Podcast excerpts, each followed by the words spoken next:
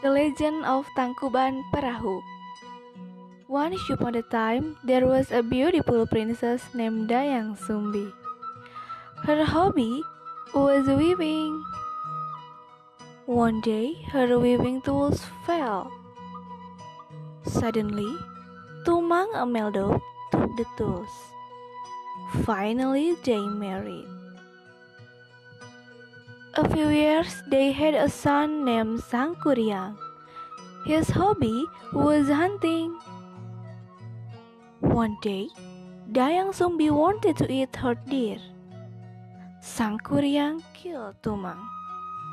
Dayang Sumbi was angry, hit, and asked him to get away. Many years later, they met and fell in love. But Sangkuriang had to make a boat in one night.